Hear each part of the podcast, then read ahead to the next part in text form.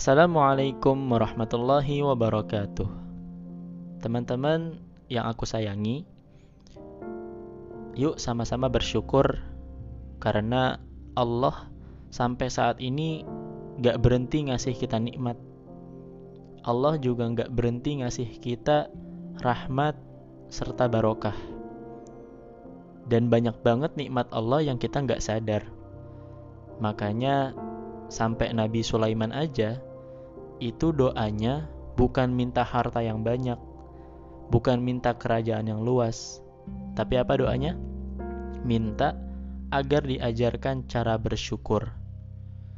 Karena meskipun ya kita sudah mengucapkan alhamdulillah, ternyata syukur kita itu cuman sekedar pada nikmat yang kita tahu aja. Padahal nikmat Allah banyak banget yang kita nggak sadar. Oleh sebab itu, kita hendaknya dengan segala kelemahan kita berusaha untuk mensyukuri semua nikmat Allah. Meskipun kadang-kadang nggak kesebut nikmatnya, tapi niatkan dalam hati bahwa kita betul-betul mensyukuri apa yang telah Allah berikan kepada kita. Teman-teman, dan jangan lupa perbanyak salawat kepada Nabi Muhammad Wasallam agar kita semuanya mendapat syafaat di yaumil qiyamah dan bisa ketemu sama Nabi Muhammad nanti di surga. Dan aku berharap banget kita semuanya bisa reuni di surganya Allah dan abadi dalam kebahagiaan di sana. Teman-teman yang dirahmati Allah Subhanahu wa taala, pada episode kali ini aku mau bikin part 2 dari After Hijrah. Jadi kayaknya uh, masih ada yang ingin aku sampaikan tentang hijrah. Karena memang hijrah ini adalah sebuah perjuangan yang gak ada ujungnya kecuali Israel sudah mencabut nyawa kita. Dan Nabi saja, itu udah aku ceritain di part 1, itu sampai pusing mikirin gimana caranya kita bisa istiqomah dalam hijrah. Fastaqim kama umirta wa man taba ma'aka wa la tatghaw itu bikin Nabi ubanan saking kepikirannya. Istiqomahlah kamu Muhammad atas apa yang telah kami perintahkan kepadamu bersama orang-orang yang telah berhijrah bersamamu dan jangan kamu merasa lengah. Itu bikin Nabi beruban. Apalagi kita. Oleh sebab itu, satu doa yang sering kita baca di penghujung doa kita sebelum Rabbana atina fid dunya hasanah itu kalau kita resapin sebenarnya itu adalah doa yang penting banget. Kenapa? Karena manusia itu lemah, bisa jadi tobat pagi hari maksiat malam hari atau tobat malam hari maksiat pagi hari. Makanya Allah mention di dalam Al-Qur'an satu doa agar kita bisa istiqomah. Apa doanya? Rabbana la tuzigh qulubana ba'da in hadaitana wa hab lana min ladunka rahmah innaka antal wahhab. Ya rob janganlah kau balikan hati kami lagi. Setelah kau beri hidayah kok buat apa sih minta doa kayak gitu? Ya karena hati manusia kalau dalam bahasa Arab kan artinya kolab. Kolab itu satu akar kata dengan inkolaba. Gampang berputar. Ya tadi, ada yang pagi-pagi tobat, malamnya maksiat, atau sebaliknya, malamnya tobat, paginya maksiat. Dan Nabi juga ngajarin satu doa yang harusnya kita baca tiap hari. Ya muqallibal qulub, thabbit qulubana ala ta'atik. Yuk sama-sama amalin doa ini agar Allah memberikan kita kekuatan dan tuntunan untuk kita bisa istiqomah. Teman-teman semuanya, ada juga yang perlu kita pahami dari hijrah bahwa hijrah bukan cuman sekedar berpindah dari satu perilaku yang buruk kepada perilaku yang baik. Buat apa kita dari nggak sholat jadi sholat, tapi hati kita belum move on? Buat apa kita berpindah dari yang dulunya pacaran jadi nggak pacaran, tapi hati kita masih galau? Oleh sebab itu, hijrah nggak cukup badan, tapi perlu ikutan hatinya.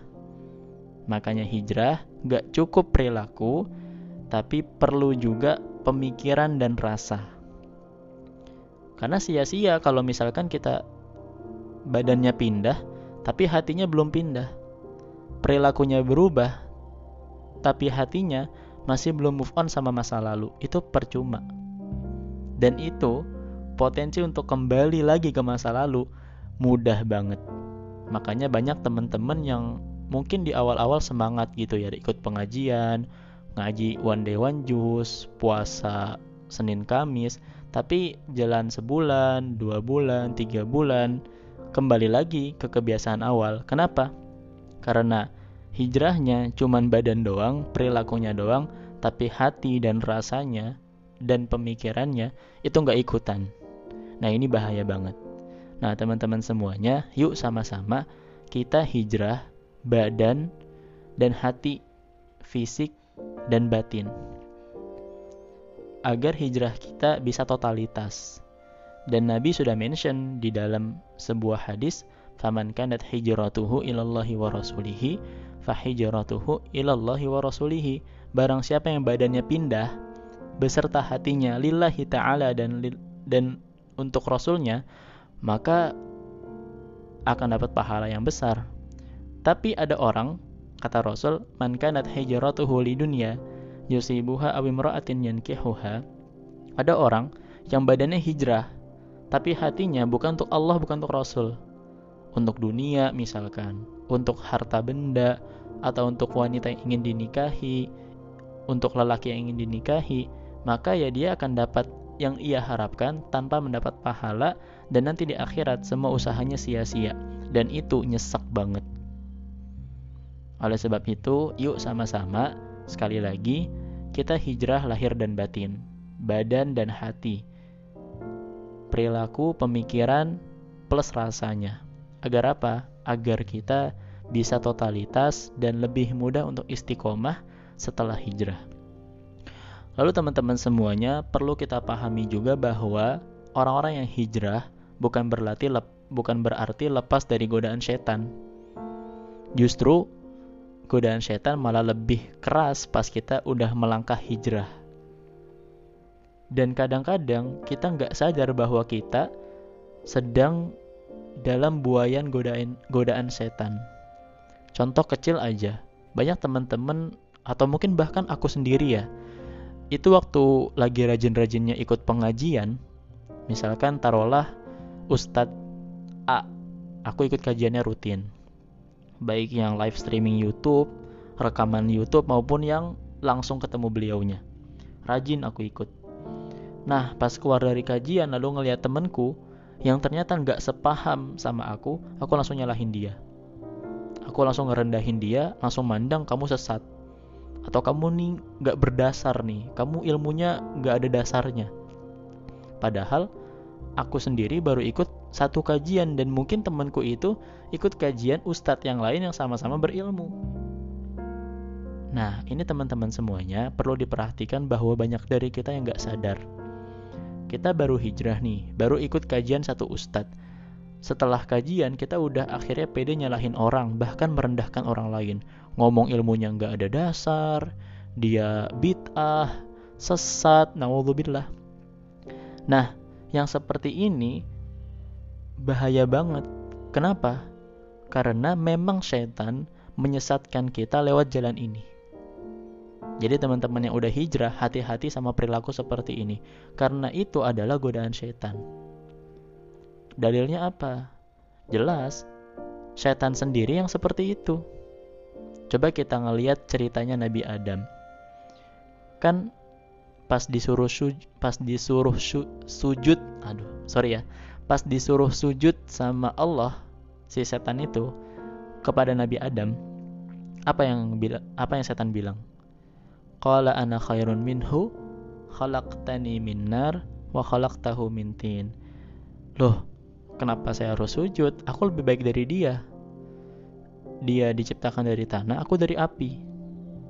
Nah ini sama aja kayak kita bilang kenapa aku harus ngebenerin dia. Dia itu salah.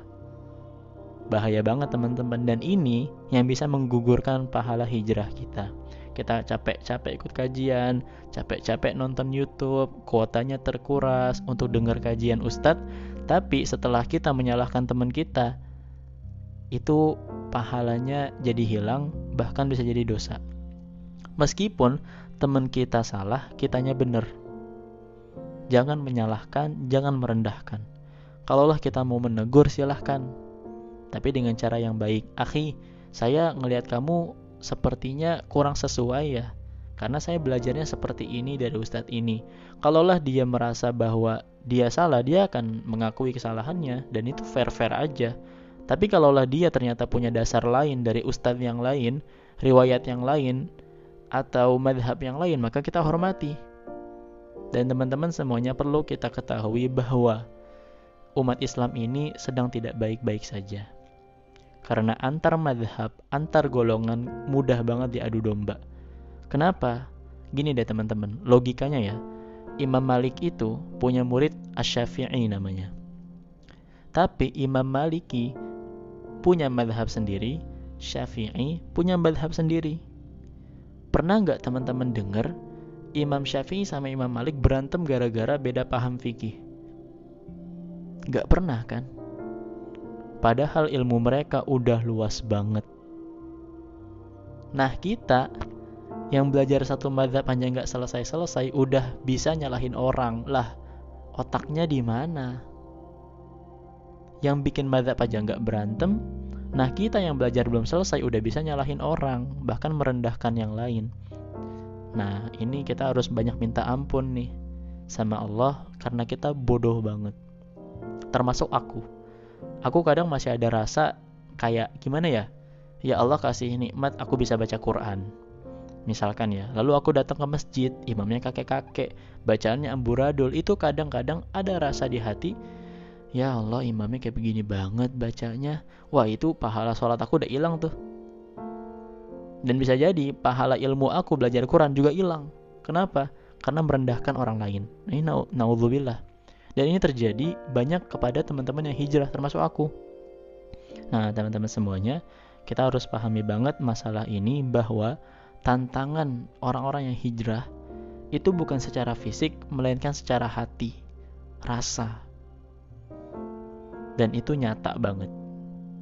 Dan yang akhwat misalkan, teman-teman pasti ngerasain bahwa teman-teman yang jilbabnya panjang, kadang-kadang ya, meskipun nggak semua, itu pasti mandang teman-teman yang jilbabnya pendek lebih rendah atau lebih buruk. Nah ini hati-hati. Jangan sampai yang bercadar menyalahkan yang nggak bercadar dan sebaliknya. Karena dua-duanya pun ada dalilnya, nggak usah saling berantem. Dan kita sama-sama muslim, bersyahadat, Tuhan kita Allah, Rasul kita Muhammad. Masalah madhab itu adalah imam yang punya paham dan ilmunya luas banget. Terus urusan kita nyalahin orang apa? nggak ada hak kita kemarin ada yang viral yang pakai sarung nyalahin yang pakai celana cingkrang yang pakai cadar nyalahin yang nggak pakai cadar yang nggak pakai cadar ngomong ke yang cadar antum teroris kan kacau nah ini yang akhirnya jadi permainan musuh-musuh Islam untuk memecah belah Islam karena dakwah gak perlu akhirnya bikin berhenti tapi cukup bikin satu golongan berantem sama golongan yang lain itu bagi musuh Islam udah menang. Jelas ya? Nah, jadi pada intinya untuk episode kali ini ya jagalah hati kita. Banyak istighfar, banyak dengar nasihat, banyak muhasabah. Karena makin bertambah ilmu, justru makin menambah kesadaran kita bahwa kita ini bodoh banget. Teman-teman semuanya, ada satu quote terakhir nih dari seorang ulama bahwa merasa soleh itu salah dan merasa salah bisa jadi itu adalah kesolihan wallahu a'lam bisawab barakallahu fikum